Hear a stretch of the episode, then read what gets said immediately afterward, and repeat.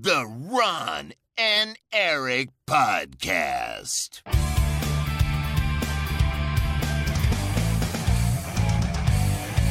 Double kill. Hallo, welkom bij de Ron en Erik podcast. De podcast van Ron en Erik over videogames. Jezus Christus, je zet hem altijd is zo hard in. Ik, echt, Sorry, ik moest nog lachen om mijn woordgrapje van voordat we gingen podcast. ja, ik, mijn oog, mijn oor is echt gewoon... Oef, het voelde alsof je in mijn brein kwam. Oh jezus, nou zeg ik ja, het dat ook. hoor ik vaker. Ja, ja, ja. Oh. Wat ik hier, omdat we hier in de, iedereen's oren komen elke maandagochtend. Oké. Dit is aflevering 449. Mijn naam is Erik Nusselder. Bij mij zoals altijd Ron Forstemans. Hey, welkom allemaal. Specifiek op het internet. Het is weer een, Oh ja. eh, een bewogen dag op het internet, zullen we maar zeggen. Is het zo? Nou ja, ik zat al om vijf uur op de redactie. Dat is vroeg. Vijf uur Echt ochtends waar? dan, hè? Ja. We nemen op een vrijdag op. ja. Dat de mensen dat weten. En nu kan ik wel lekker Final Fantasy spelen dadelijk. Yeah, fuck yeah. Yeah. Vind je het nog leuk? Jawel. Gaan we daar meteen over eh, hebben? Ja, waarom niet? Zijn er nou toch? Nou, dat is goed. Ehm, ik denk, het is, het is een beetje... Ja. Waarom moet jij lachen? Gewoon, Nou ja. ik hoor gewoon in, jouw aarzeling dat je mij niet wil eh, teleurstellen. Ik wil jou niet teleurstellen, ook al boeit me dat niet echt heel veel. Ga ik ook eerlijk in zijn. Ehm, het is geen... Het is een game die ik bij vlaggen insane vet vind. En die specifieke vlaggen ehm, zijn heel erg Final Fantasy. Die zijn... eh, die barsten van epiek. Dat zijn eh, met name eindbaasgevechten, maar ook plot twists en eh plot scenario's die gewoon echt Plot ja, nou niet eens. Nee, niet eens. Maar die gewoon echt ontzettend goed uitgewerkt zijn. Die game is van de hele hoge highs. Echt heel hoog. Dat verhaal en actie samenkomt tot een soort van perfecte potpourri van videogame-isme. Het is in vele opzichten, denk ik, ook qua combat, het beste wat Japans game development op AAA-front te bieden heeft. En dat is een heel groot compliment. Dus vind ik het Ja. leuk? Ja, ja, ik vind het absoluut leuk. Ehm, wat ik raar vind aan deze game, en dat is iets, dat is absoluut niet inherent aan Japans game design of zo. Dat is echt een keuze die ze hebben gemaakt in development. En dat is de eh, zijmissies en veel zijcontent. Daarvan is het dan weer verhalend ehm, qua uitdieping van de lore, maar ook qua hoeveel tijd ze besteden aan de dialoog. Ehm, vind ik ondermaats. En dat klinkt heel raar. En ik weet dat Bas in de vorige podcast zei dat juist die soort missies er voor zijn voor de exposition, zoals ze dat noemen. Voor de, het deponeren van, hey, dit is wat er allemaal vet is aan deze spelwereld. Hè, dat noemen wij eh, exposition. Of eigenlijk in schrijfwerk noem je dat zo. Maar ik, soms heb ik wel eens dat denk ik, oh, maar het voelt meer als filler. En dan ga ik vervolgens zo'n zijmissie spelen. En ik kom zo met een klein asterisk. Want er, zijn dus, er is dus een onderscheid tussen letterlijk slechte zijmissies en goede zijmissies. Wat veelzeggend ja. is. Ehm, maar er zitten dus echt zijmissies in die gewoon... Waarbij je gewoon vijf dingen op aan het rapen op een akker. En dan loop je terug naar een persoon. En dan zegt die persoon: Ja, nou gaan ze maar afleveren bij Johan daar. Want ja, weet je, Johan die komt dan naar, vroeger uit het bordeel. En we hebben daar met de lady heel veel problemen gehad. En eh, ja, hij heeft eh, een beetje slechte verhoudingen nu. Maar ja, wij willen niet dat hij een slechte verhouding krijgt met de dame van het bordeel. Want dat betekent dat wij straks niet meer naar binnen mogen. Dus ga jij de adem maar afleveren aan Johan. Letterlijk. En dan ga ik naar Johan. En die zegt bijna woordelijk hetzelfde. Alleen die zegt er dan achteraan: Het spijt me. En dan komt die andere persoon erbij staan. En zegt hij: Ja, Johan, dat komt er eigenlijk niet. Je hebt het al- alles op het spel gezet. Zegt ja, het spijt me zo. En dat is dan de dialoog. En dan denk ik: Wow, dit staat in zo'n schreeuw. Het voelt alsof het door een ander team gemaakt is. Misschien is het ook wel zo. Ja, misschien is dat ook wel zo. Maar ik zei dit tegen Marcel. Toen zei Marcel tegen mij... je moet er verwachten dat later... krijg je een onderscheid tussen dat soort zijmissies... en eh zijmissies die ook in loot... want ook de loot van dat soort missies is echt shit. Gewoon. Daar heb je niks aan. Daar heb je helemaal niks aan. Het zijn crafting Ook omdat het materials. geen RPG is. Ja. Ehm, maar dan later komt er inderdaad een soort van onderscheid. Dan krijg je zo te zien... nee, het is een plusje in plaats van een uitroepteken. En dan moet je ze doen. Ja, ja, ja. dan moet je Ja. ze doen. Dan moet je ze zelf Nou doen. ja, Nou, ik, niks moet, maar holy- er zijn een, een handjevol eh sidequests. Die hebben niet een uit, uitroepteken, maar een plusje. En daar krijg je dan iets voor wat wel echt handig is, ja. echt handig. Bijvoorbeeld meer health of zo. Nee, ja, hoe noem je dat? Die potions. Iets wat je anders niet kan krijgen. Ja. En Ja. echt belangrijk. Ik heb, eh, ik heb er nu een paar gedaan. Echt belangrijk eh, content. Ja, dat is wel echt chill, ja. En, die shit is ook goed, zeg maar. Dat, of ja, goed, het is in ieder geval vermakelijk genoeg. Ehm, maar ehm, Maar ja, je kan aan de buitenkant niet zien hoe slecht de sidequest geschreven gaat worden. Want ik deed er ook een met, eh met, met Torgel, met die wolf. ja, Die had ik niet willen missen. Maar dat waren gewoon gewone sidequests. Die zijn dan, eh, sommige zijn ineens wel goed geschreven. Maar ja, ja, ik zei het in, de, in mijn review en ik zei het in de, in de Final Fantasy podcast. Ja, die zijn missies zijn wel echt eh, saai. En dus eh, er zijn er eh, best wel een aantal die wel goed geschreven zijn. Die duren dan heel lang. En inderdaad zo'n verhaal van... eh, ik, eh, ik ben hier de dokter en ik moet, ik moet hier hard werken, anders gaat iedereen dood. En dan denk ik, ja, eh, heftig man. Maar wat, ik heb er op zich niks aan om dat te weten. Het Ja. was redelijk geschreven, maar ik heb er niks aan. ja. Dus ik ben En het in die lang en ik zin ook krijg er niks voor en ik doe niks. Ja. Ja, en in die zin dus, dat wilde ik zeggen van... Ik ben het ook wel eens met Bas daarin, in wat hij de vorige keer zei. Alleen, ik vind het heel moeilijk om dus het kaf van het koren te scheiden. En, ja, dat kan ook niet. En dat is inderdaad dus een probleem voor mij. En ik had eh, gisteren eh, ochtend, deed ik, voor ik naar mijn eh, werk ging, naar de redactie ging, deed ik even een paar sidequests. En dat waren allemaal sidequests binnen een klein stadje. En dat ging helemaal nergens over. En eh, echt, nee, maar ik bedoel, dat ging echt nergens over. Ik moest vijf dingen ophalen. Ik moest een pakketje brengen. Ik moest iemand ophalen. En ik moest tegen drie, hoe noemen ze dat? Brand, niet branded, maar marked of zo Bearers. bearers praten. Ja. En dat is wel echt een beetje, dat is echt suf. Dan ben je, oké, ze zijn heel kort, dus na vijf minuten ben je er klaar mee. Maar je hebt wel echt het gevoel, wat heb ik nou gedaan? En kan ik dit niet beter Ja. overslaan? Maar later Ja. maken ze wel kenbaar van, je kan ze beter overslaan. Maar, maar als wat jij zegt klopt, zijn er dus ook missies die wel de moeite waard zijn. Dus, Nou ja, voor het verhaaltje. Ja, maar dat vind ik voor, leuk. Voor wat je, wat je doet of voor, of voor hoe je ervoor beloond wordt. Nee. ja, maar ik, wat Bas dus zegt, ik vind het wel leuk om die spelwereld beter te leren kennen en dergelijke. Ja, dat is ook leuk. Ja, maar het is dus een game van high highs, maar ook deep lows. En eh, de high highs overwinnen vrij gemakkelijk. Ik raad hem echt aan. Eh, vette game. Ja, vind ik hem leuk? Eh, Soms niet. Dat dus. Is eigenlijk een beetje hoe het zit. Het is gewoon zo'n raar spel. Ik hou ook van de raarheid. en Ook van dat soort sidequests die veel te overschreven zijn inderdaad. Van dat je vijf minuten bezig bent met een verhaal over Johan... die je verder niet kent en nooit meer tegenkomt. En die heeft dan een heel achtergrondverhaal. Ik vind het zo leuk, omdat het nergens op slaat. Ik hou ervan, maar het is niet goed, nee. Nee, ik hou er normaal ook van. En ik had ook zoiets van, nou, ik vind het helemaal niet erg dat er dan een sidequest bij zit die silly is. En niet zoveel zeggend is. Maar op een gegeven moment had ik er dan een paar achter elkaar. En toen dacht ik echt van, oh fuck, ik ga deze game even vertellen. Dit is wat je van de rest van de game kan verwachten. Eh, en toen zat ik wel even zo in zo'n downer moment. Dat ik dacht, oei, ik weet niet of ik... eh, ga ik dit mainlinen, zeg Ja. maar. Dat is een beetje de, Ja. het dilemma. Maar eh, nee, ik... ik eh, ja, ik zei in de hem, podcast... eh, eh, vind hem voor- ik zei in de podcast, volgens mij is het een, een 8 die in mijn hart een 10 is. En toen zei ik, ik geef een 8,5. En toen, tijdens het schrijven, werd het een 9. maar volgens mij klopt dat nog steeds. Het is een 8 die in mijn hart een 10 is. Voor de mensen die het niet weten, jij was ook de gast in een andere podcast. Eh, de naam is volgens mij Into the Game van BNN Nieuws. All in the game. In All, in, the game. van BNN Nieuwsradio. Eh, Van verloren zoon Joe van Buurik. Ja, met de verloren zoon Joe van Buurik. Eh, Ja, die denkt, ik doe deze podcast niet meer. Ik ga mijn eigen oprichten. De derde Beatle. Eh, Tweede? ja. Ja. Hoe werken Beatles? Ik weet het niet. Jij kwam altijd met deze Hoeveel zijn er? vier. Ja. Alleen er is een vijfde. Ja. Dat precies. Dat is Gijs. Ja. Maar dat is de vierde, omdat wij met z'n drieën zijn. Maar niet meer met z'n drieën. We zijn nu met z'n tweeën. Ik heb het gevoel dat deze analogie niet meer werkt. Nee, dat deed hij überhaupt al niet. Fair enough. Ehm, maar jij zat in die podcast, ik was hem aan het luisteren en toen viel mij op dat wij niet weten hoe je radio moet maken. Tenminste, ik niet. Nee, nee, Hun nee. wel. Nee, we moeten, meer we moeten meer bliepjes hebben. Hun wel, hun weten hoe je radio hebben- maakt. We hebben tunes nodig.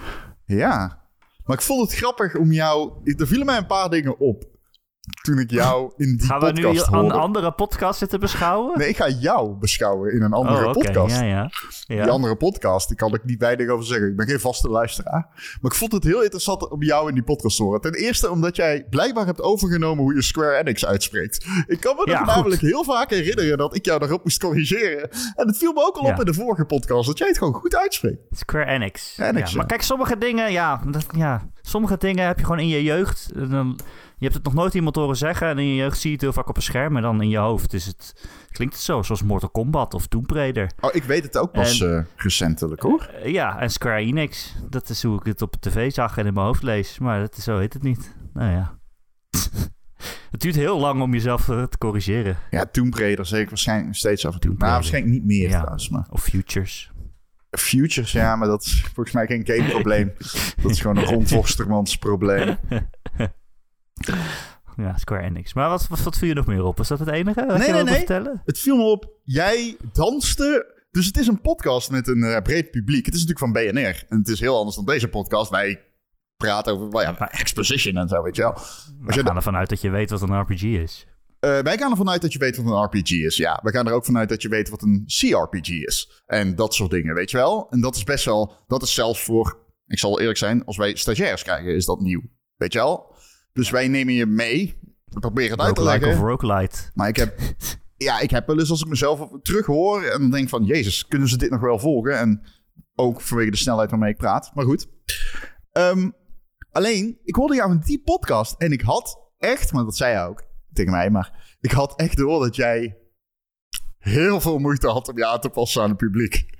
Yo, ik hoorde de radertjes, zeg maar, de, de, de, ik, ik zag gewoon jou, jou, ik zag het aapje in jouw hoofd, zeg maar, zo op die drums slaan en met die trombones s- Alle spelen. poepgrappen inslikken. Ja, je zat gewoon, het was totale chaos daar bovenin. Want jij kon volgens mij vooral dingen niet zeggen eh, in die podcast. En dat was best wel grappig om te horen. Veel, eh, Nou ja, je probeert zeg maar de zin die je normaal gesproken zou zeggen... dan te vertalen naar iets wat normale mensen begrijpen. Tegelijkertijd, terwijl je het aan het uitspreken bent. wat vond je er zelf van? moeilijk. Hoe ervoer jij dat? heel goed. Ik vond het heel goed gaan. Ik vond het leuk. Ja, Ja. in een echte radiostudio bezoek. Ja. en dan eh, met eh, van die goede mics en dan zijn koptelefoon op... dat je jezelf hoort tegelijkertijd. Mhm. Ja, dat mis ik wel aan radio. Mijn eigen stem horen. Ja, dat heb ik. Vind ik Erik, ook toen ik die CoXLR eh, kreeg, was dat het eerste wat ik aan heb gezet. Hmm. Oh, Ja. Kan ik dat ook gewoon aanzetten nu? Er zat wat vertraging op. Nou ja, Nee, ik heb een Go XLR. Dus ik heb eh, zeg maar dus via een XLR-kabel. Dus bij mij is dat niet... Ja, ik, heb eigenlijk, ik heb ook een hele goede mic, zeg maar.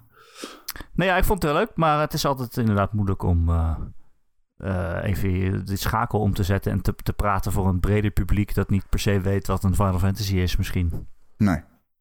Ja, Nee, maar het was leuk om naar te luisteren. Dus eh, in the game thanks. van All PNR. in the game. All in the game van PNR.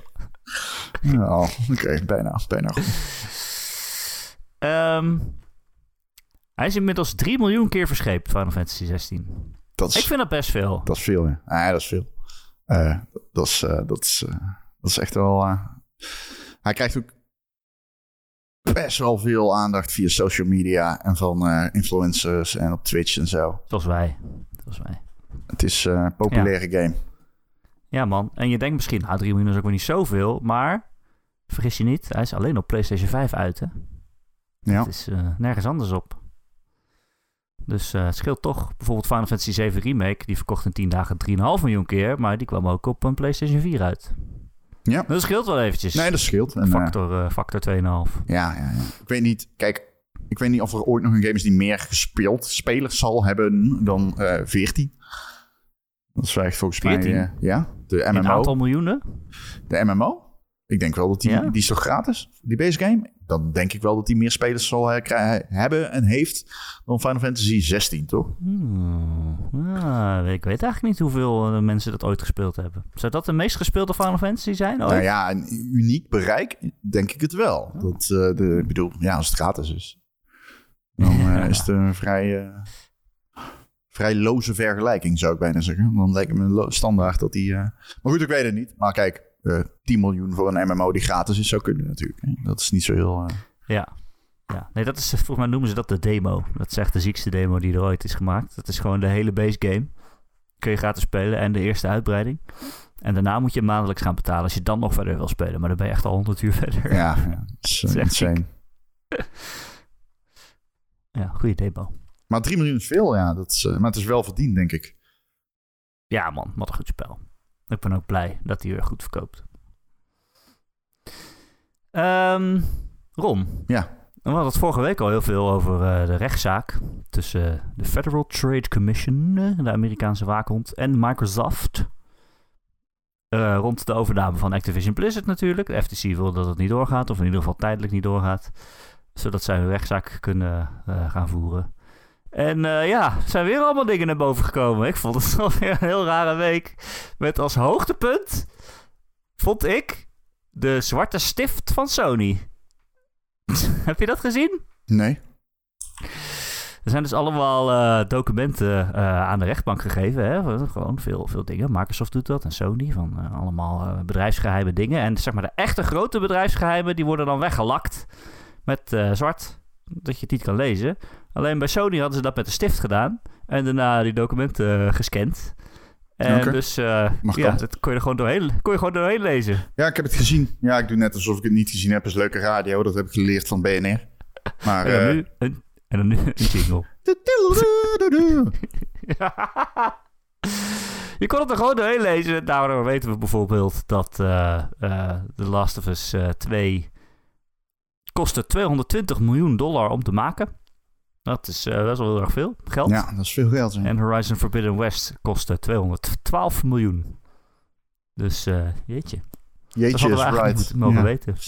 Ja, het was, eh, dat, is, dat is wel interessante data, ja.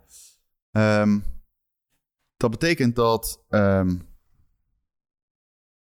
Horizon, niet Zero Dawn, maar Forbidden West... Mhm. met volgens mij, als ik het goed... 200 miljard? Of hoeveel zijn miljoen. Miljoen, Miljoen, sorry. 212 als ik- miljoen. Ja, 200 miljard, ja. Miljard. Ze Holy hebben. Sony opgekocht daarna. Ja. Eh, eh, nee, Sony 400 volgens mij. Maar goed, in ieder geval, eh, toen daarna dacht ik, of las ik op Twitter bij Bastiaan vroeg op van, wat is nou de duurste film in Nederland ooit gemaakt? Dus toen heb ik de wiki erbij gepakt van duurste films. En Zwart Boek is dat, met 18 miljoen. Dus deze is bijna acht keer, of nee, tien keer duurder, zelfs meer dan dat. Meer nog. 11 à 12 keer duurder Wiskunde. Dan, Erik. dan Zwart Boek. Ja. Ook wel markant dat Zwart Boek nog altijd de duurste film ooit gemaakt is trouwens. Ja. Ja. Ja, wat moet het anders zijn? Nee, nee, dat is ook zo. Maar ik bedoel, er is dus niks... eh, ja. Nee, dus dit is een ver- verreweg de duurste Nederlandse entertainmentproductie ooit, is wat je wil zeggen. Nou ja, dat, dat, dat is nu wel te concluderen, ja. Ja. Of Chesto moet ergens ooit een heel duur album hebben gemaakt dat ik nooit geluisterd heb. Hoe kan, hè? Ja. Hoe duur kostte de Efteling om te maken? Hoe duur kostte de Efteling om te maken? Een vraag. Ik heb er geen idee. ja, al die sprookjes moet je allemaal eh, binnenhouden. Het is niet goedkoop. Dat kapje wil altijd uitbreken. Nee, precies. Eh, ja, nee, dat is wel interessant. Eh, overigens gebeurt hetzelfde eigenlijk bij Microsoft. Gedurende de week heeft de rechtbank alle ingediende bewijsmateriaal snel weer offline gehaald en weer geherupload en toen weer offline gehaald. Want er waren ook allemaal documenten van Microsoft die eigenlijk zwart gelakt hadden moeten worden, maar dat was niet gebeurd. Eh, daardoor weten we dat Microsoft een lijst van 100 ontwikkelaars had die ze in de gaten hielden om mogelijk te gaan kopen. Eh, ja, 100 ontwikkelaars, het zijn er wel veel. Eh, en daarna hadden ze dan zeg maar allemaal filters erop toegepast. Zo van, oké, het mag niet meer dan 20 miljard kosten. En het mag niet meer dan de helft in de handen van China zijn. Want dat wordt ingewikkeld. En toen bleef er een klein lijstje over. En er stond onder andere Sega op. Microsoft heeft gewild... hoe noem ik dat? Microsoft wilde Sega kopen. Het ging zelfs al zover dat Phil Spencer aan zijn baas... eh, de baas van Microsoft, al een mail had gestuurd met... Hey, volgens mij moeten we Sega kopen. Lijkt me een goed idee voor Game Pass. En ze hebben allemaal goede games. En ze doen ook mobiel allemaal dingen. Dus Ron Sonic was bijna een Microsoft mascotte geweest. Het enge daaraan is Kan nog steeds. kan nog steeds. Ik bedoel, kijk, wij zeggen altijd die deals, als ze gelekt zijn, komen ze niet meer, eh, dan, dan gaan ze niet meer door. Maar ik bedoel, als Activision dadelijk afketst, het is niet alsof Microsoft dan denkt, nou, nu hebben we niks meer nodig en toeken we Xbox op. Dus Ja, laat maar zitten. ik bedoel, het kan nog steeds. Ik vond het wel eh, confronterend om te zien dat ze Bungie bij dan weer, eh, dat ze Bungie wilden kopen. Ja. Dat is alles ooit eh, gelekt. Destijds door Jeff Grubb en eigenlijk GameSpeed. En toen zei Pete Parson, toen COO van Bungie, zei toen: Oh nee, dat is niet waar. Eh, hij heeft verder nooit uitgelegd wat dan niet waar eraan was. Eh, bleek het dus toch waar te zijn. Opvallend. eh, ik heb in het verleden gezegd dat het mij. Weet je, ik weet niet of jij dat nog weet. ehm, twee studio's waren waarvan ik dacht die zou Microsoft. Waarvan ik hoorde dat Microsoft die zou kunnen gaan kopen. En dat waren twee Warner Brothers Studios. Oh, En die staan er niet bij. Maar ik vraag me nou af, als het lijstje 100 namen lang was, Ja, zullen ze er waarschijnlijk wel bij hebben gestaan. dit is denk ik drie, vier jaar geleden. Toen hadden ze volgens mij Bethesda net gekocht. Ja, toen hadden ze Bethesda een half jaar gekocht. Of nee, minder. Ik denk een paar maanden. Want dit was een aanloop naar de E3, dus het moet ongeveer april 2020 zijn geweest. oké. Ik heb hier het lijstje van 100 studio's, maar ik kan ze allemaal voorlezen. Dat schiet natuurlijk niet op. Nee, dat schiet niet op. Nee, want ik weet niet meer zeker welke... eh Eén ervan was Volgens NetherRealm. mij... Nee, die staat er niet tussen. Staat er Hm. niet tussen. Staat niet op de kaart. Geen lingo. Geen bingo. Of lingo. Geen lingo. Geen lingo. Nee. Maar wel bijvoorbeeld uh, studio's als IO Interactive. Ja, die heb ik ook. Dat, dat was dus de, de... Ik had er vijf. En twee daarvan die waren van... ehm eh, IO had ik.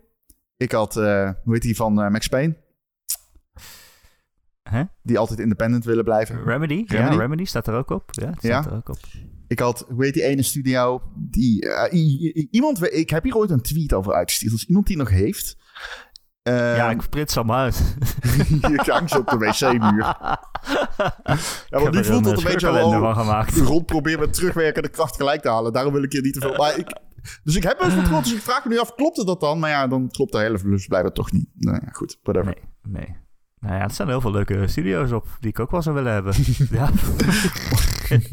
Supermassive en Supergiant eh staat er zelfs Ja, op. ja. En eh Ja. Playdead, weet je wel. Ja, Dat van die studio's die je er goed bij kan hebben. zeker. Maar ook Housemark stond er ook op. Die is natuurlijk ook door Sony gekocht Ja, opvallend, want dat vond ik altijd al echt gewoon bijna een exclusieve Sony-studio. Dus wel, Ja, was dat, was, dat had wel wat, eh, ja, een soort van, dat, is wel, dat was wel een megaton dingetje geweest, denk ik. Ondanks dat die studio relatief klein is. Ja. Ja. Maar ja. Eh, maar goed, dit hadden we dus eigenlijk ook allemaal niet mogen weten. Want daarna werd, werd diezelfde lijst eh, weer herge- hergeüpload. En toen waren alle namen zwart gelakt. Ja, een beetje laat. Maar Ja. goed. Ja. nou ja, en ik wilde nog zeggen, ja, dat Sony Bungie heeft gekocht, was natuurlijk ook in dat opzicht tamelijk megaton. Ook al waren ze op dat ja, moment maar ja. ja. Stel je voor dat onafhankelijk. Microsoft, dat Microsoft ze weer terug had gekocht. Dan was toch ook wat geweest. Ze waren van Microsoft en dan gaan ze helemaal onafhankelijk. En dan koop je ze weer terug op. Ja, het blijft voor bezig. mij heel raar. Want toen ik de eerste keer bij Bungie was, eh, waren ze onderdeel van Microsoft. In, eh, in, Ja. in, in Canada ergens. Nee, niet in Canada. In oh, Montreal? Fuck, nee, niet Montreal. Ik weet niet meer. Seattle, Seattle was het. Dan zitten ze nog steeds. In een oude bioscoop zitten die. Heel vette locatie. Ja. Ehm, weet je trouwens hoe daar de capturing studio heet? De motion capturing studio? Eh, Johan. Nee. nee. Die noemen ze de Leather Cave. Oh. Ja, dat is heel zemmerig. Maar dat is dus omdat iedereen met van die pakjes rondloopt. ja. ja. Ehm, maar eh, toen de tweede keer dat ik daar was, wezen ze op hun... Toen waren ze onafhankelijk. En toen maakten ze Destiny. En toen was het echt zo van... Yo, eh, we zijn eh, onafhankelijk. Als het een plakkaat van onafhankelijkheid van Microsoft... als ze groot op de muur hangen als je binnenkwam.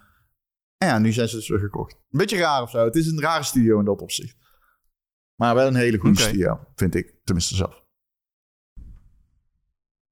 Ja, zeker. Zeker, zeker, zeker. Ik ben benieuwd eh, ja, naar Marathon. Ehm, Ja, dan heb je het verder nog de, de rechtszaak een beetje gevolgd? Komt er eigenlijk ook nog een uitspraak dan of zo? Ja, die komt we over een nemen paar dagen. vrijdag uit. We nemen nu op vrijdag op. Misschien is hij al wel geweest dan, tegen die tijd. Ja, da- uitkomt. daarom vond ik het ook wel grappig, want zij moest inderdaad... Bij Sony was het dus misgegaan. Omdat ze met een eh, ja, kleine viltstift, een Sharpie, een eh, redactie hadden gedaan. En daar kon je dus gewoon doorheen kijken. En op een gegeven moment zei iemand van Nintendo van... eh, eh, eh, die had een Sharpie vast. Of nee, volgens mij van Sony of van de SEC, een advocaat, ik weet niet meer helemaal. En toen zei die, als, toen zei die rechter, die zei zo... No more Sharpies! Maar het komt over een paar dagen, gaat de rechter uitspraak doen. Ehm de Niet filing. voor maandag dan, hè? Nee, nee, Nee. nee. Niet in het weekend. Ook al Oh. waren er wel in het weekend zaken, wat ik heel raar vond. Maar nee, blijkbaar kan dat Staat gewoon. nooit stil. Staat nooit stil. Ehm, wilde jij een voorspelling doen? Of denk je, heb je zoiets van, ja, wij weten niks van deze eh, toelicht, toezichthouders We weten er ook niks van. Nee. We weten er niks van. Ik heb het een Niks. beetje via Twitter dan proberen te volgen. Mensen die dat aan het live tweeten waren. Het is, eh, ze hadden ook allebei, de beide partijen hadden dan van die economen gevraagd. Die dat modellen hadden gemaakt. Van hoeveel scheelt het als Call of Duty exclusief zou worden. En hoeveel procent stapte dan over en zo. En daar waren ze dan over ruzie aan het maken. Ik kan er eigenlijk niet echt... Als ik die rechter was, dan zou ik echt denken... Ja, jongens, waar gaat het over? Ja, zeker. Wat ook heel raar was, vond ik dat het niet. Dus het ging de hele tijd over Call of Duty.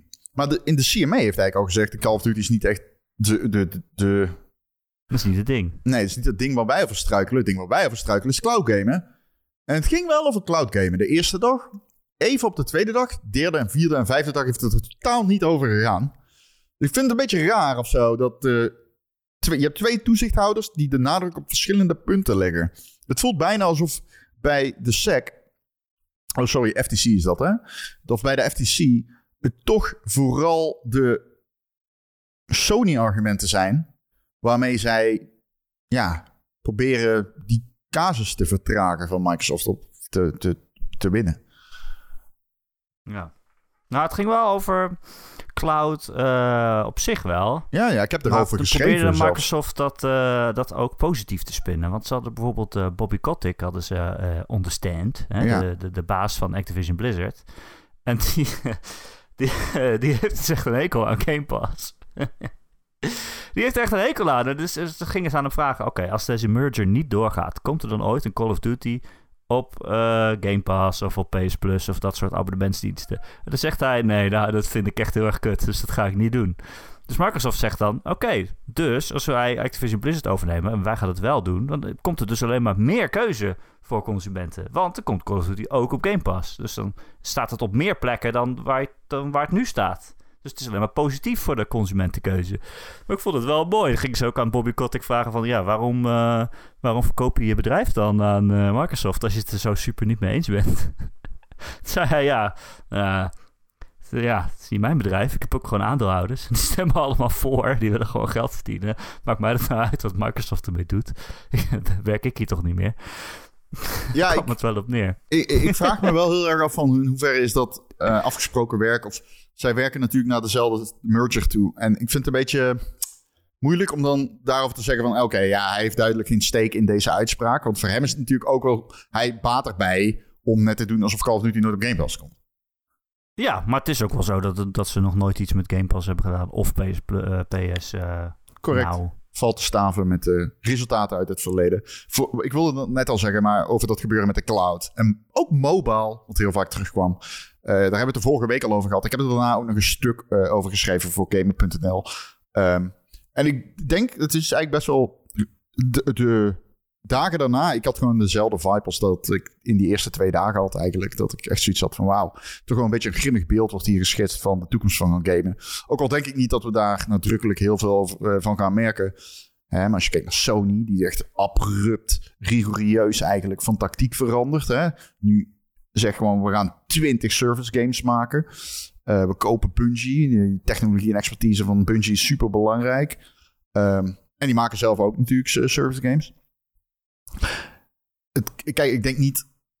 Hè, die PlayStation 5 en die Xbox titels waar wij een PlayStation 5 en Xbox verkopen, zoals Uncharted, The Last of Us, Halo, whatever. Eh, Ik denk dat die blijven gewoon, want heel veel mensen kopen daar een console voor. Dus die zijn gewoon heel belangrijk. En die bedrijven weten dat de, het gamerpubliek is uitzonderlijk kritisch.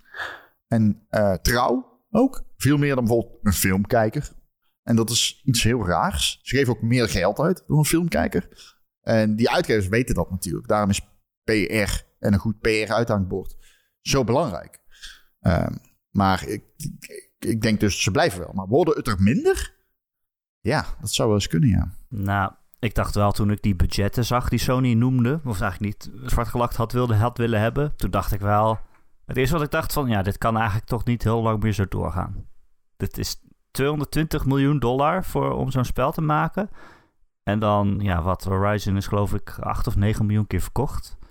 Stel dat het allemaal voor 60 euro is, dan heb je 500 miljoen verdiend. Dan denk je, nou, dat is twee keer zoveel winst heb je dan. Maar ja, die ontwikkelingskosten, dat is zonder marketingbudget.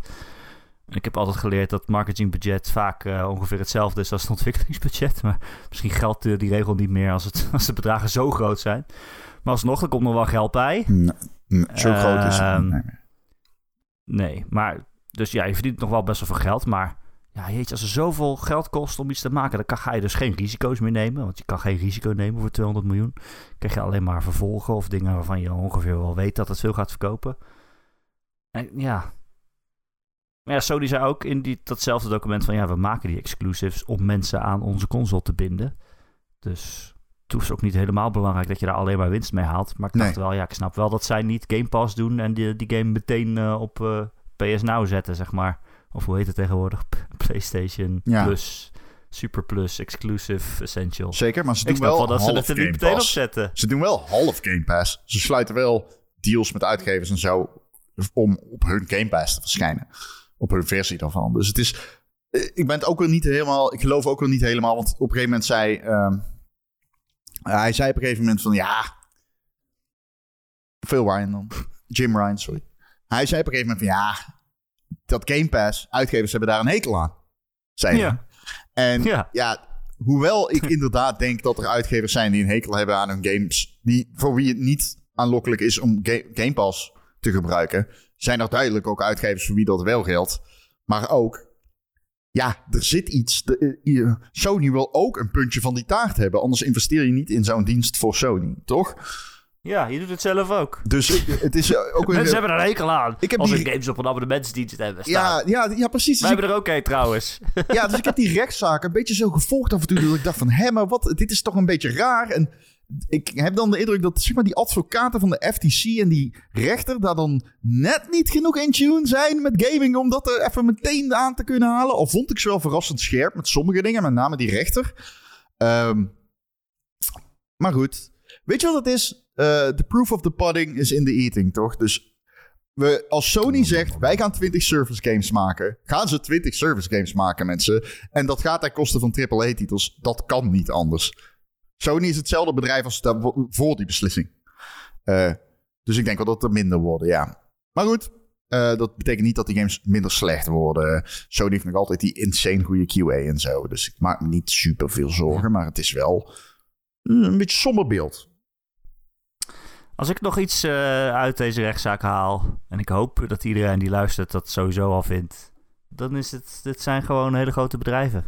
Ja, het heeft geen zin om fan te zijn van Microsoft of van Sony, eh, want ze liegen gewoon en ze proberen zoveel mogelijk geld te verdienen. En ook als ze iets zeggen waarvan jij denkt, oh dat klinkt goed, het is alleen maar, misschien klopt het niet, misschien is het niet waar en misschien, ja, ze, ja, ze zeggen maar wat. Het zijn Ze bedrijven. zeggen maar wat, ze liegen gewoon ook, als het ze niet uitkomt. Nooit fan zijn van bedrijven. Eeuw.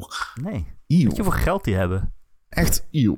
Nooit een fan zijn van een bedrijf, alsjeblieft. Doe iets nuttigs met je opinie. Ja. Dus, eh, dat is het. Dat was het verhaal. Het kan me ook helemaal niet schelen meer of ze nou Activision overnemen of, of niet eigenlijk. Ja. Nee, ja. Goed, ja, het is ook wel zo. Ja, nooit fan zijn van bedrijven, ja. Je hebt wel een Final Fantasy tattoo. Of nee, wat is het? Persona. Dus het is maar ik ook... ben fan van die game. Nee, precies, dat is de creatieve uiting. Sega. Nee, dat is ook zo. Dat is ook zo. Maar ik snap dat voor veel mensen, die hebben diezelfde emotie bij die license. En daardoor, daarom ook met dat bedrijf. Alleen bedrijven, en met name bedrijven met dit soort market caps, overwegend. Als ze jouw janus kunnen neuken, zullen ze dat doen. Eh, liefst systematisch voor een vast bedrag per maand, oplopend met de jaren. Precies. Eh, Bobby Kotick heeft eh, tijdens zijn deposition, deposition ook gezegd dat de volgende Switch qua kracht vergelijkbaar is met een PlayStation 4 of een Xbox One. Ik weet niet of dit voor het eerst is dat we iets horen over de Switch. Maar het komt vanaf de Activision Blizzard meneer, de baas. meneer Baas. En eh, hij zegt dat het qua kracht een PlayStation 4 wordt. Dat is best wel, dat is best wel aardig, toch? Als het ook weer zo'n draagbaar ding wordt.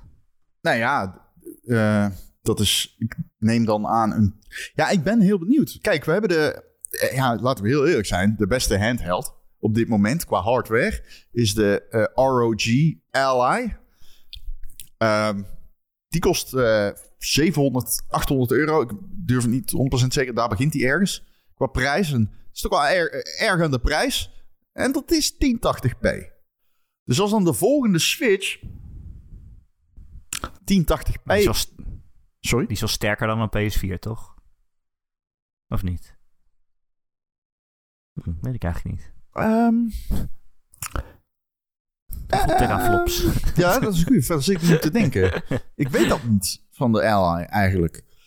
Eh, ik, ik denk... maar ik bedoel, op Het- een Steam Deck kan ik PlayStation 4 games spelen. ja, Best wel mooi ja maar je speelt ze wel op 800p. Oh, dat is waar, ja. En dat is zeg maar het... Dus ik zou... Kijk, consoles werken ook natuurlijk heel anders dan PC's. Die tegenwoordig minder, maar... Toen, zeker eerder, eerdere jaren van de PS4 en ook later jaren PS5, eh, 3, eh, waren games overwegend soms ook nog 720p en dan upscaled. Dus het zou kunnen. Ik durf dat niet te zeggen. Alleen wat, ehm, wat, wat we wel kunnen zeggen is dat op een Nintendo Switch met een. Dat, dat, ik sluit niet uit dat de volgende Nintendo Switch nog steeds 720p is. En dan Nee. 1080p aangesloten op je tv. En dan denk ik bij mezelf, hoe kun je dat dan oplossen? Dat zou je dan kunnen doen met DLSS. Ja, Dus dan ga je naar echt eh, deep learning supersampling van NVIDIA. Dat eigenlijk door middel van gewoon letterlijke AI, de, ja, eigenlijk machine learning, je resolutie eh, hoger maakt dan die is. Of eigenlijk niet echt hoger maakt dan die is, maar hij ziet er hoger uit. Zo moet je, dat is gewoon de korte versie. Ik heb het de vorige keer ook al langer over gehad. Laten we niet weer in dat tech-hol vervallen. Maar zo simpel is het eigenlijk gewoon. Ehm, consoles doen dat ook al op dit moment. Hè? Dus kijk, het is. eh, het kan. Alleen gebruiken zij dan eh, de techniek van de concurrent. Ja, we hebben het de vorige keer heel lang over gehad. ja, dat is waar. Maar dat Super zou. Switch. Ja, De nou ja Switch. precies. Maar dat zou. De, de, nou ja, we hebben het over de super. We hebben het de vorige keer ook gehad over. eh, nou ja, goed. In ieder geval, ik zie het voor me dat.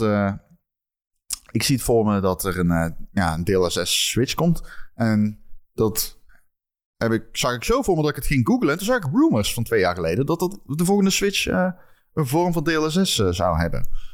Dus, ehm, nou, dan, dan vraag ik me af. Misschien is dat zo. Ik weet het niet. Ehm, maar het zou wel, eh, het zou wel vet zijn. Dat is wel indrukwekkende tech om, op een handheld, denk ik. Bobby Kotick zei ook dat het een fout van hem was om de huidige Switch niet te ondersteunen met Call of Duty. Eh, hij zei namelijk dat hij had verwacht dat het geen groot succes zou worden, de Switch. Oeh. Dus een beetje de, de, Simon Zeilemans van de game-industrie. Ja, inderdaad. dus Eh, ja, dat is, ja. zo worden beslissingen ook soms gemaakt in, de, in miljarden bedrijven. Zo van, nou, die console wordt niks. Dus wij brengen onze grootste game daar niet op uit. En eh, zo geschieden. En dus toen werd de Switch ineens super populair. Bobby Kotick staat er ook al onbekend dat hij af en toe eh, gewoon met de vuist op tafel slaat. En, eh, Oh, met de vuist valt nog mee. Activision. leuk. Vind ik een leuke grap. Ja, is leuk. Ehm, dus ik weet niet, ja, ik geloof het meteen. Ja. Anyway, ik vind dat soort dingen altijd grappig. Zo van, ja, het had allemaal anders kunnen lopen, de geschiedenis. Ja, maar er zit gewoon iemand die denkt, nou, die Switch, er wordt niks. En dan is het klaar. Ja, nee, zeker. Dat is zo. Alright. ehm wil je er nog meer over zeggen? Ik ben gewoon wel benieuwd wat er nu uitkomt eigenlijk. Eh, Nee, niet echt. Ik, eh, Nee. Niet echt. Ik eh, denk dat Microsoft eh, wel minder games heeft dan ik dacht. De komende... Hoe bedoel je? Ja, ik weet niet. Dat was een, een andere tendens die mij opviel aan Microsoft. Dat ze gewoon niet heel veel games lijken te hebben. En ik dacht juist dat ze heel veel games hadden. Hmm. Mijn Xbox is Tsunami nu, lijkt ook eh, even op hol- on hold eh, als afgaande op die... eh, Xbox, Xbox stroompje. Ja, Het is, ze zeiden één game per kwartaal, toch? Is Ja, dat dat niet is- dat ongeveer is- waar ze nu naartoe ja, bewegen? dat is wat ze zeiden. Het zou nog steeds kunnen hoor. Alleen dan hebben ze niet hun kaarten helemaal getoond tijdens die rechtszaak. Het beeld dat werd geschetst, maar dat is nogmaals mogelijk bewust, is echt dat Microsoft down in the trenches staat te graven voor games. Want ze kunnen er niks van daar. Eh, We moeten Activision kopen. ja, precies. Al hun flagship sh- sh- studio's die bakken er niks van. En eh, ja, het is gewoon een drama. Ze staan in de trenches. Ze worden van alle kanten onder vuur genomen door Sony en Nintendo. En het is eigenlijk gewoon zielig. Maar ja, dan denk ik, dan zie ik dat lijstje met rijkste bedrijven ooit voor me. En dan zie je, weet je wel, dan zie je zo'n Saudi-oliebedrijf. En dan zie je Microsoft daar. En dan zie je dan nog Apple. En dan denk ik, ja, oké, nou goed. Laten we het niet te serieus nemen. Ja, ja, ja. Nee, dat is ook zo. Het zijn allemaal miljardenbedrijven die klagen over kapitalisme, zoals ik vorige keer al zei. Maar Xbox is natuurlijk wel maar een heel klein stukje van Microsoft ook. Het is echt 10% of zo, geloof ik, toch? Dit gok ik uit mijn hoofd trouwens. Ehm maar ze gingen dus ook die, de, CEO van Microsoft helemaal ondervragen, eh, Nadella. Hm. En die moest ook op de stand komen. Die, die, ja, die zei eigenlijk, ik laat het gewoon aan Phil Spencer over. Ik onderhandel zelf niet met Activision Blizzard of, of hoe dan ook. Als het aan mij ligt, zei hij, als het aan mij ligt, zouden er geen exclusives bestaan. Dat zei hij, ja. werk, want ik werk voor Microsoft. Is op zich logisch vanuit zijn positie. Hij zei: Ik werk voor Microsoft. En bij Microsoft is het altijd juist. Wij willen onze producten op zoveel mogelijk plekken hebben. En we zijn een cloudbedrijf geworden. En alle diensten zijn in de cloud. En je kunt er overal bij. En dan, ga- dan gaan we games zitten maken waar je maar op één plek kan. Dat wil ik, ik wil, wil ik eigenlijk niet. Ja, nee, het makes sense. Maar het is allemaal Sony schuld dat wij exclusives moeten maken. Want Sony is de marktleider. En die hebben exclusives. Dus moeten wij het ook doen. Gemeen. Ja, nee, zeker. Helemaal eens. Eh, in leuke nieuws, Ron. Ja, vertel. Weet je welke week het is? Eh, het is... eh, Het is de Steam Summer Sale week. Ja, ja, ja, ja, zeker. Ja, ja, ja, ja, ja. Ron, ik ben van jou gewend dat jij nu met een lijst komt games die je allemaal gekocht hebt. Nee, nog niet. Ik, nou, gekocht Oh. niet. Nee, nee, niet gekocht. Ik ben wel, eh, zoals men dat zegt, Gestolen. on the prowl voor games, zeg maar. Oh, oh. Ja, dat wel. Ik, eh, ik heb dankzij eh, deze Steam Summer Sale weer helemaal mijn, mijn Steam Deck ontdekt. Ja, niet dat, ik er vergeten was. Maar eh, hij, ja, was een beetje opgeborgen. Ook tijdens de vakantie, of tijdens de verbouwing lag hij wel in een doos ergens. En nu heb ik hem weer netjes in de la van mijn bureau. En toen was het ineens Steam Summer Sale. En toen dacht ik, oh, oh nee, ik ga weer alles kopen. Dan gaan we zo beginnen. Ik heb bijna, Ron, ik heb bijna Days Gone gekocht voor PC. Oh, maar die heb ik op de Steam Deck. En dat is ja, een je aanrader voor de Steam Deck wel. Hij draait in je ieder geval net- ontzettend goed. Oh, Jij bent nog net iets zieker in je hoofd dan ik, dat weet ik. Maar want ik heb die game gewoon op PlayStation en daar wil ik hem ook al niet spelen. Dus Ja. wel, ga ik, ik ga hem toch niet nog een keer kopen dan. Ja, dan kun je hem op de PC spelen. En op Ja. de Steam Deck is het belangrijker.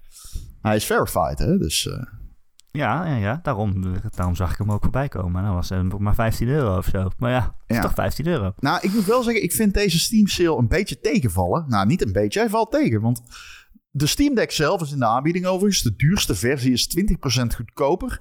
Daarvan ga ik wel zeggen, dat vind ik echt een hele goede deal.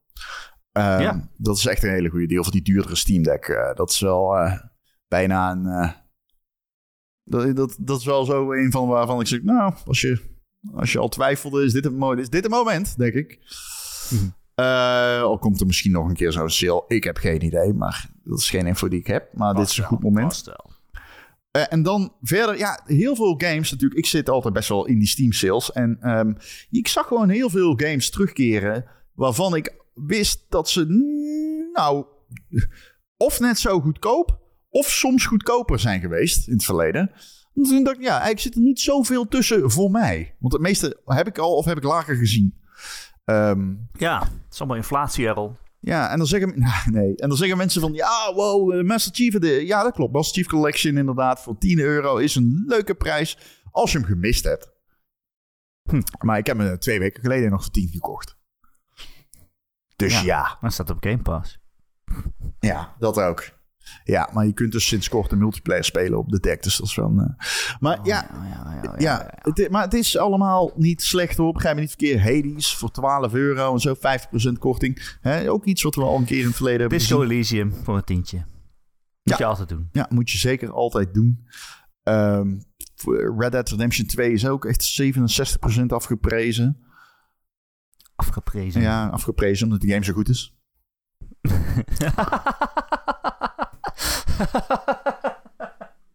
Heel goed. Ja, gesteld.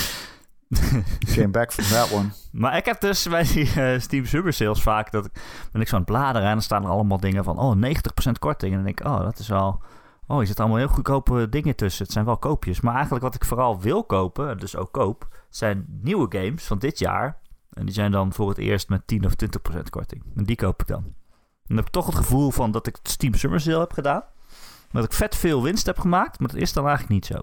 Ja, Eh, bijvoorbeeld, één game die ik nu de hele land ga aanraden, is Dave the Diver. ja maar dat durf ik ook wel. Want eh, die game heb ik echt al een half jaar of zo. Echt waar? Ja, die was een early access. Oh, hij is pas net uit. Ja, hij is 28 juni Echt uit. uitgekomen. Ja, en hij had toch een kleine korting, volgens mij. Dus ik heb hem gekocht. Het draait op Steam Deck. Wat een 10%. fantastisch spel is dat. Ja. Het is eh, zo'n indie game in pixelstijl. En eh, hij heeft eigenlijk eh, twee helften. Jij bent de Dave eh, de duiker. En overdag eh, ga je duiken. Dan moet je allemaal vissen vangen. Je hebt een harpoen. Je bent onder water met een, hè, met een eh, zuurstoftank. Dus je kan een beperkte tijd onder water blijven. En onder water zie je allemaal vissen. En eh, de een groter dan de ander. En dan schiet je een harpoen op en dan haal je ze binnen. Dan heb je ze gevangen. En er zijn ook grotere vissen, die kan je dan nog niet aan met je beginharpoen. Of dan moet je een paar keer schieten. Op een gegeven moment speel je een geweer vrij. Dat je denkt, ik ben onder water met een pistool. Oké. Eh, werkt gewoon. Maar er liggen ook allemaal spulletjes op de bodem van de zee die je mee kan nemen. Allemaal hout en ijzer. Dan kan je er weer nieuwe geweren van bouwen, weet ik veel wat. En de andere helft van het spel, dus overdag ben je aan het vissen. En s'avonds werk je in het sushi-restaurant. Dat naast eh, het meer zit, waar jij vist. En dan is het een soort, eh, hoe noem je dat? Een soort diner dash. Dat je, zeg maar, eh, een bestelling opneemt. Er komen allemaal Ja, ik denk niet dat mensen weten wat Diner Dash is. Nee, nee, het klopt. Ik ben heel oud. er komen mensen binnen die hebben een bestelling en die kok gaat het dan voor jou maken. En dan moet jij het bij de kok ophalen en aan de goede klant bezorgen. En ondertussen moet je de tafel schoonmaken en je moet ze hun drinken bijvullen en zo. Dus je bent de hele tijd bezig om eh, het restaurant goed te laten lopen. En daar verdien je nou weer geld mee. Dan kun je weer nieuwe spullen mee kopen om weer te gaan vissen. Kun je betere vissen vangen waarmee je weer meer geld verdient. Waarmee je weer meer uitrusting kan kopen. Dus het gaat oneindig door. Dat is al heel leuk. Het is ook nog eens heel goed geschreven. Het is echt heel wholesome en fijn. En er komen allemaal verschillende personages tegen. Ja, het ziet er zo mooi uit. Ja, het zo is heel pixelachtig mooi. Dat wilde ik ook nog benoemen. Eh, de pixel art is fantastisch. Het oogt oud, maar modern, zeg maar. Het is zo'n game en dat is heel bijzonder. Ja, het heeft ook echt een heel eigen stijl. Ik vond het wel bijzonder, want meestal als je zo'n kleine indie game hebt, dan... eh, stel je speelt iets nieuws vrij, dan zie je gewoon in een menu van... oh, ik heb iets nieuws vrijgespeeld. Bijvoorbeeld, je kan eh, zeg maar het menu dat je samenstelt voor het sushi-restaurant... dan eh, doe je daar een bepaalde vis bij, maar je kan dat recept kan je ook upgraden. Als je heel veel van dezelfde vis hebt, dan kan je zeggen... ook ik, ik doe een upgrade... En gewoon in een normaal spel zou dat gewoon in een minuutje een knopje zijn, dan is het klaar. Maar ik drukte nu in dat minuutje op het knopje en ik kreeg ineens een heel tussenfilmpje van die kok. eh, Een soort anime-scène. En die pakte zijn zwaard en die ging helemaal gloeien. Dat- Als een mallig was hij zo tjak, tjak, tjak, tjak, tjak met zijn samurai zwaard sushi aan het snijden. En het hele restaurant ontplofte in een bal van licht. En eh, dat kreeg je te zien alleen maar omdat ik die ene optie had aangeklikt. Toen dacht ik wel, oh, hier zit echt heel veel liefde in. Ja, zeker. En dat zit er ook echt in. Echt cool. Dus die ga ik zeker heel veel spelen. Ja, het is een... een cool eh, spel. ik- en, eh, onder water. Ik hou er toch van. Ik kan er niks aan doen. Ook, al, ook Ja. in 2D. God. God, het is een ronde game. Ja. ja, nee, het is echt Het een onderwatergame. Ja. Jeetje. Oké. Wat staat er nog meer op je verlanglijstje En hij is heel grappig trouwens. Ik vind de personage heel grappig geschreven. Het is heel grappig. Ja. Ja. Eh, mijn verlanglijstje, verlanglijstje wil je weten. Nou, Ja. ik heb natuurlijk een, in Steam een gigantische verlanglijst. Als je echt zeg maar een wishlist bedoelt. Maar ik denk niet dat jij dat bedoelt. Ik denk dat jij kijkt naar mijn eh, gewoon de, de- wat ik hoop te scoren. Wat hoop je Ehm, te scoren? En mijn eh card op dit moment zit gevuld met alle Ghost Recons, alle Splinter Cells en alle Rainbow Sixes. Die zijn echt van Oei. 2 euro per stuk of zo. Te variërend van 1 tot 4 euro. En dat vind ik wel gewoon altijd. Dat zijn wel gewoon games. Ik heb niet alle Splinter Cells gespeeld, bijvoorbeeld. En ik wil absoluut een keer nog Vegas 2 spelen op de PC of zo. En ik heb geen zin om te zoeken naar CD's of DVD's van die games. Dus eh, wat zal het zijn? Wat is dat eigenlijk? Dat is echt wel een oude game, hè? Double Agent bijvoorbeeld. Dus eh 2009 is dat volgens mij zelfs. Oeh, die had mee kunnen doen aan de Goty Show. Die. Oei, dat heb ik niet gedaan. Nou, dat was niet heel geweldig. Ehm, maar ja, dus dat is wel, eh, dat, dat, dat, vind, ik, dat vind ik leuk. Ehm, Arma 3 zat ik nog gewoon naar te kijken. Arma 3 is eh, een 7 euro. Maar ja, die game is fucking, die in het verleden zelfs een keer gratis geweest. Dus ik, ik weet het ook niet. Maar ja, bijvoorbeeld Resident Evil 2 voor 10 euro. Ja, dat is een goede deal. Grand Theft Auto 4 Complete Edition met alle DLC voor 6 euro. Eh, dat is een goede deal. Ehm, die eh, Skywalker Saga Lego game, 15 euro. Vind ik een goede deal. Die Ehm, zit ook gewoon op Game Pass, hoor. ja, dat klopt. Maar ik kijk gewoon even naar wat de PC-gamer zou kunnen gaan doen. Hè? Ik eh, Oh, ja. zal vast ook op PC Game Pass staan. Verder, eh, de Dark Souls games zijn in de aanbieding. Dat is heel Ja, lang ja, geleden. Maar die zijn duur. Die zijn nog steeds duur.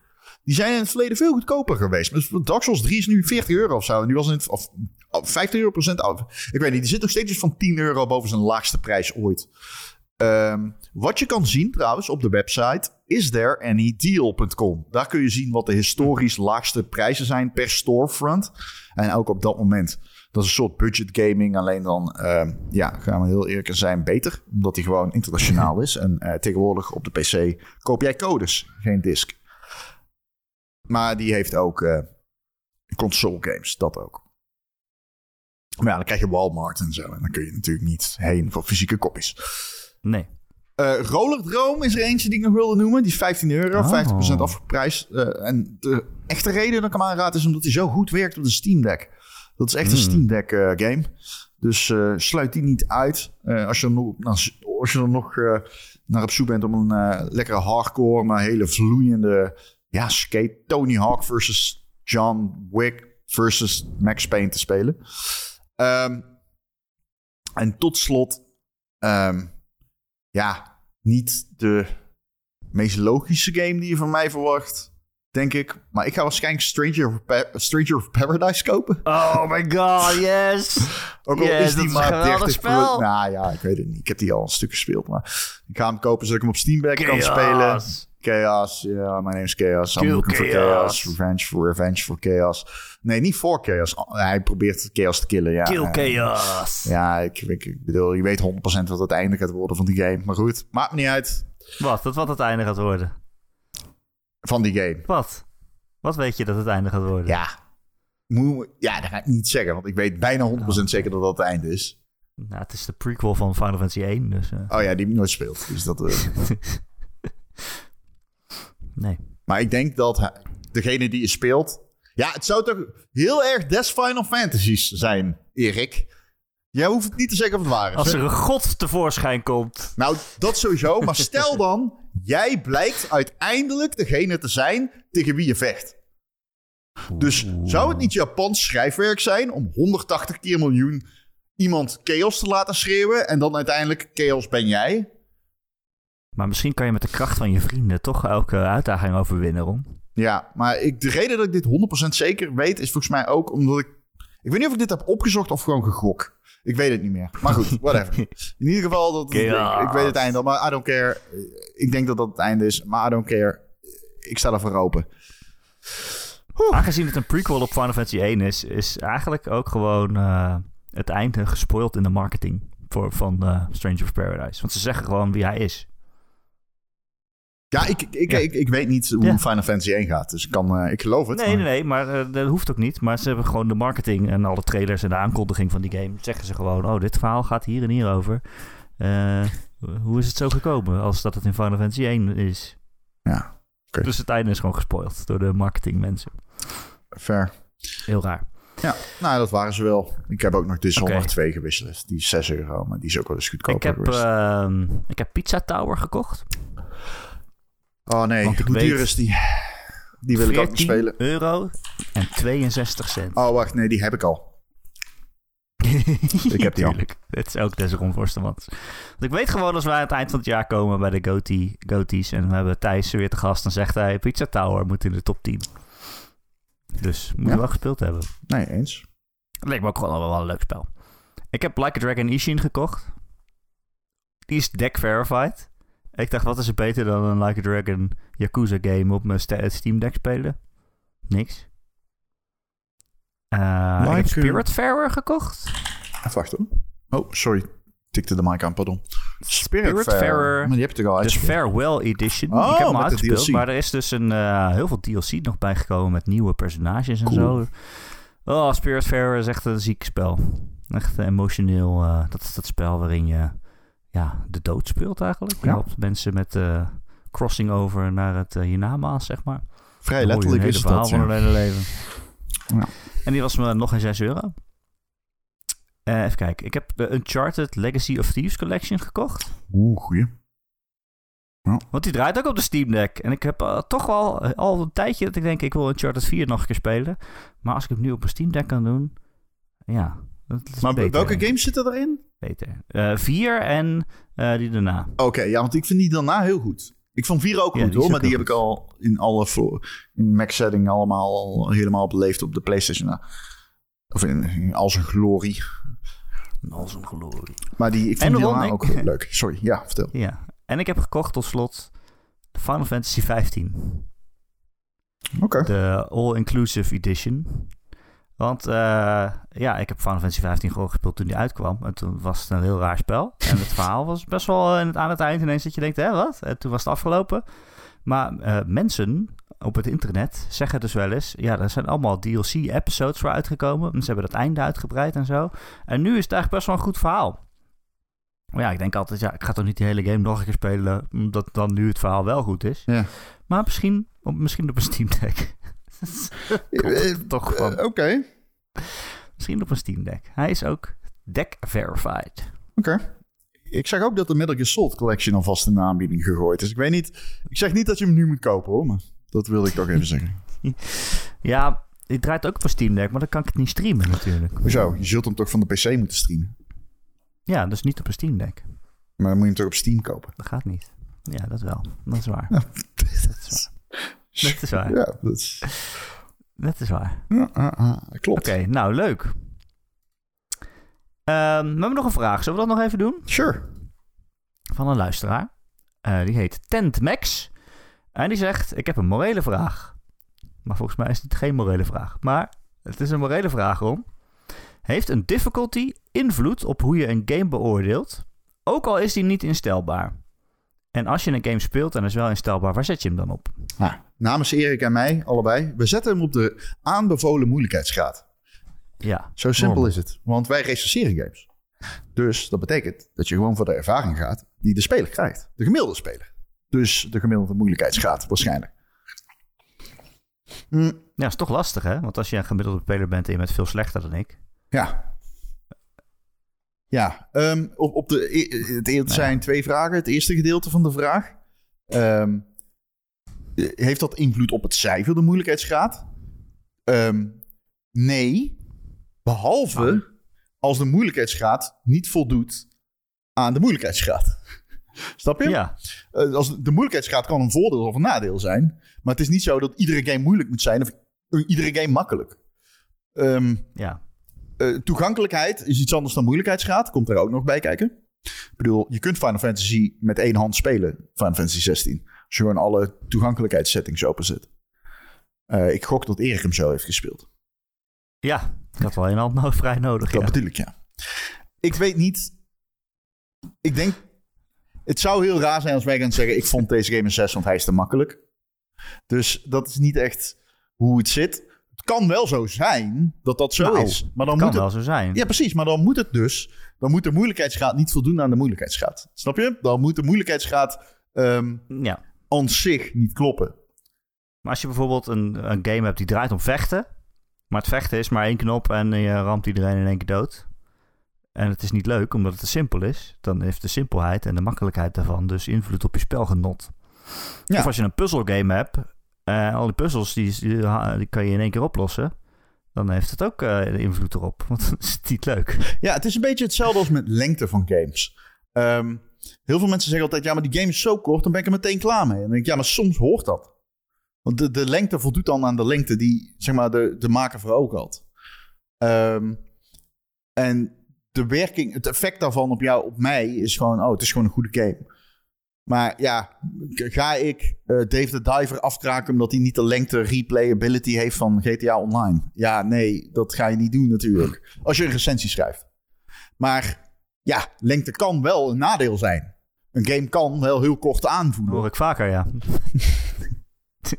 Ja, Ja, maar je kan niet bijvoorbeeld eh, Elden Ring een laag cijfer geven omdat hij te moeilijk is. nee, precies. Dat, is, de mijn- bedoeling, dat dat, hij moeilijk is. Dus oh, de, het voldoet dan aan wat het moet willen zijn. Maar je hebt ook games, ja, bijvoorbeeld als Street Fighter inderdaad één knop was.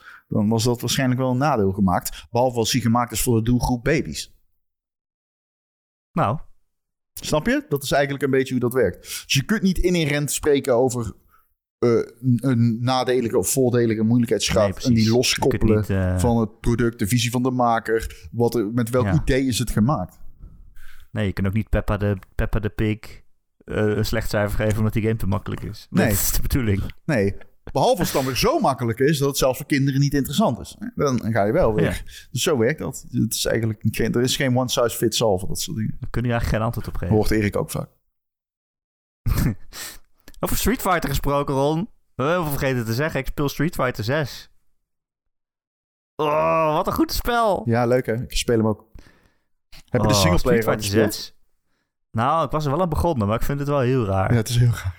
Het is echt, waarom heeft Street Fighter 6 een soort, ja, een soort life sim of zo? Ja, een ineens? hub area Oh, je loopt hier, je loopt hier door, het, door, de, door de stad heen en die lopen allemaal andere mensen. Die kun je uitdagen om een potje te knokken. Hoezo, hoezo dan? Iedereen die hier loopt wil met mij vechten. Waarom? Maar ook, dat, maar ook dat online hub, waar je iedereen tegenkomt in Ja, de meest, nou ja, pers- de, de character creator is wel echt tof, zeg maar, in die game. Je kunt echt gewoon wild-ass karakters maken met super grote armen of geen nek. ja, heb je jezelf gemaakt bedoel je? Super grote armen en geen nek, ziek of zo. ja, dan wel. Dus eh, ja, ik vind dat toch een beetje, eh, een beetje raar. Maar het is wel leuk om te doen. En je leert het spel er wel een beetje van. Maar ik ben ook wel gewoon online ranked aan het spelen. Ik ben Iron. Dat is het ene laagste, volgens mij. Dus ik was wel heel trots dat ik niet het laagste was. Cool. Ja, het is echt een goed spel. Maar ik heb ook wel, ik zit mezelf wel in de weg met dit soort spelen. Waarom? Want ik ben geen fighting game speler. Nee. Althans, eh, echt al heel lang niet meer. In mijn jeugd heb ik wel Street Fighter 2 gespeeld. Maar ik begin deze game en dan zegt, hij, eh, zegt het spel... Oh, eh, hey, goed nieuws. We hebben voor zeg maar mensen die niet zo vaak fighting games spelen... hebben we een nieuwe besturingsmodus uitgevonden. Dat heet Modern. En daarmee kan je ook, als je niet zo heel goed bent... eh, best wel veel speciale moves doen. Wil je dat doen? Of wil je gewoon eh, Classic? Dat is voor coole mensen. Dus ik denk dan... Ja, ik doe natuurlijk Classic. Ik ben een cool mens. Ja. En dat is dom. Want ik ben altijd de eerste die zegt, joh, eh, zet je game op easy als je dat wil. Dat maakt jou het uit. Als je er maar van geniet. En dan ga ik zelf het spel spelen en dan doe ik niet modder. Eh, dat kan ja. er ook helemaal niet uit. Dat kan Ehm, er ook helemaal niet uit. ik moet eerlijk zeggen, ik vind die modern besturing wel heel fijn. Eh, Ja. eh, ik, speel Ik zelf, toch geswitcht uiteindelijk. ik speel zelf classic. Zie, daar ga je al. maar Voor dat, coole mensen. ja, het, het is wel waar. Het is wel echt waar. Het is wel voor coole mensen. Ik ga niet liegen. Een beetje bitchmate. Een beetje bitchmate als je niet classic speelt. Je hebt gelijk. je hebt gelijk. Nee, nee, nee, nee, nee. Ik ben er dus op tegen uiteindelijk. Dat is wel mijn punt. Ik ben ook geswitcht naar modern. Maar die game zegt ja, als je op classic speelt, dat is zeg maar de oude manier. En uiteindelijk, als je echt heel erg goed wordt, dan heb je daar wel voordeel aan. Want dan kun je meer verschillende dingen. Dan heb je meer de vrijheid om te doen wat je wil. Maar eh, eh, wat die game eigenlijk wilde zeggen is, op jouw niveau maakt het niet zoveel uit, Erik. op jouw niveau kan je best modern spelen. En je wordt toch nooit zo goed dat het iets uitmaakt. Dus ja, ik speel nu op Modern en eh, het is, ik ben, ik, ik, ik meen Guile. Ja. Goed kapsel. Goed kapsel. Geweldig Daarom. kapsel, Ja, zou ik zelf er- zeggen. hij ziet eruit als een wc-borstel. Nou, dat vind ik heftig. Maar of als je zo'n kwast het, zeg maar, te, te hard gedrukt hebt. ja, dat, dat is juist. Dat is het. Dat is het. Ja, ja. Wauw, wat een goed spel. Heel ik ben echt, eh, ben echt onder de indruk. Maar ik ben er wel blij mee. Het speelt echt super, heel soepel en heel mooi is het. En, eh, Ja, dat allemaal eens. Ja. Ja, ja. Je kan er veel kanten mee op ook. Zeg maar hoe je je tegenstander probeert te lezen en zijn moves moet counteren en zo. Het is, eh, Ja, en ik heb ook gewoon de indruk dat hij heel toegankelijk is vanwege die besturing. En er zit een soort van online modus. De- zeg maar, de ranking. Ja, jij bent Iron. Ja, dat. eh, als je nooit Street Fighter speelt, zal logisch zijn. Maar ik ben ook niet goed. Ik ben ook niet gerankt. Maar ik merk wel dat de nou, tegenstand. dan is Iron beter. Ja. Dat is beter dan ongerankt. Ja, ja, dat is ook zo. Je bent beter dan ik. Als je dat wil horen, dan, dan krijg je die. Ja. Maar ik, ik heb ook wel de indruk dat, zeg maar, omdat nog aan het begin van de Street Fighter. eh, ja, het is, hij is net uit. Dus heel veel mensen die proberen hem voor het eerst. Dat is hun eerste Street Fighter. En dat is voor mij wel ideaal, want dan win ik ook nog alles. Ehm, ja, dat is ook wel eens leuk. ja, dat is ook wel eens leuk. Ja, dus ehm, ja, dat, nou, ik vind hem, eh, ja, als je wil, in- wil instappen, is dit het moment als beginner. Dat is eigenlijk een beetje Ja, wat ik wil dat zeggen. is zeker waar. Ik heb er echt geen spijt van dat ik nu instap hier. Dat is echt heel goed te doen. Nou. Oké, weet je wat ook eh, goed te doen is? Nou, je gaat Oh, ben, jij nog, ben jij nog iets aan het spelen? Moet ik dat eerst vragen? Nee, laat zitten, nog joh. iets vertellen? Nobody cares. Oké, weet je waar ook nobody over cares? Nee? Ron en Erik podcast. Ah. Elke maandag te downloaden via allerlei podcast apps en feeds. En als je ergens op abonneert, dan komen we elke maandagochtend vanzelf tegen je trommelvriezen.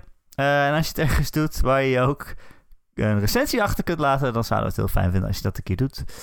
Vijf sterretjes bijvoorbeeld op Spotify of op Apple Podcasts, want dan zijn we weer beter vindbaar voor nieuwe luisteraars. En eh, ja, het is een goed instapmoment dit voor de Ron en Erik podcast. Dus eh, nou, kom maar op met die nieuwe luisteraars. Eh, wil je meer Ron en Erik, dan kun je ons steunen via Patreon. En voor jouw steun krijg je dan elke week een extra podcast. Deze week is dat de release-partij, waarin wij kijken naar alle games die de komende maand uitkomen. En eh, Ron en Erik gaan dan ook allebei, zeg maar, de gemiddelde cijfers schokken van al die spellen. En dan kijken we wie er het meest gelijk had. Dus eh, we gaan nu ook weer eh, eh, beslissen wie er vorige maand gewonnen heeft. Het is wel, het is wel heel spannend. Je kunt ons steunen via patreon.com slash Ron en Erik. Voor een iets groter bedrag in de maand word je dan vriend van de show. En dan verdien je een dikke, dikke shout-out. En dat zijn deze week Betje Fris, Bobby, Christian, Dozen Faces, Grekio, Heisenberg 190, Marky Mark, Mr. Mime, Raoul, RTK for Life, Recreator, The Rock, The Killing Bean, Wesley D. en Tijn en zijn vrouw. Hey. Allemaal eh, dank voor de steun. Heb je geen geld voor ons over. Geeft allemaal niks. We zien je graag in onze Discord, de Ron en Erik Discord. De leukste gaming community van heel Nederland. Er zitten meer dan 450 luisteraars samen te kletsen en te gamen en eh, af te spreken. Het is eh, echt super gezellig. De link daarvan vind je in de show notes. En er is ook een kanaal waar je dus je vragen aan ons kan stellen voor de podcast. Ron, Ja, ik vond het weer gezellig man. ik ook, man. Ik ben blij dat je er was. Ik ook. Ben- Ik heb zin in de Goaty Showty. De Patreon. Ja, dat is er niet. Eh, Dat ik is bedoel, niet. de release-partij. Of eigenlijk voorspelletje. Voorspelletje, ja. Het Ron en Erik voorspelletje. Voorspelletje. Ja, We voorspellen de, de, het cijfer. ja. Ja. Ik weet niet of ik de vorige keer gewonnen heb, maar ik weet het antwoord min of meer al.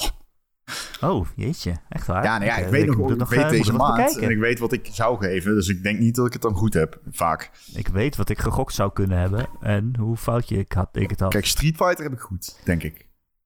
Ja, die hebben we niet gedaan, want die was al uit. Ah, kut! Ah, kut. Ja, Ron Forstemans. Nou, gaat me Oké, we gaan het eh, gauw opnemen. Wil je meeluisteren? Kom dan bij de Patreon. Ja. Ah, Anders, het is gewoon een paywall. Het is gewoon een dikke paywall. Ik kan er niks moois van maken. Nee, het is een paywall. Kom naar de paywall. Ja. Tot zo. Kom naar de, kom naar de paywall. Kom. Eh, dankjewel voor het luisteren allemaal. Tot volgende week. Ja, tot volgende week.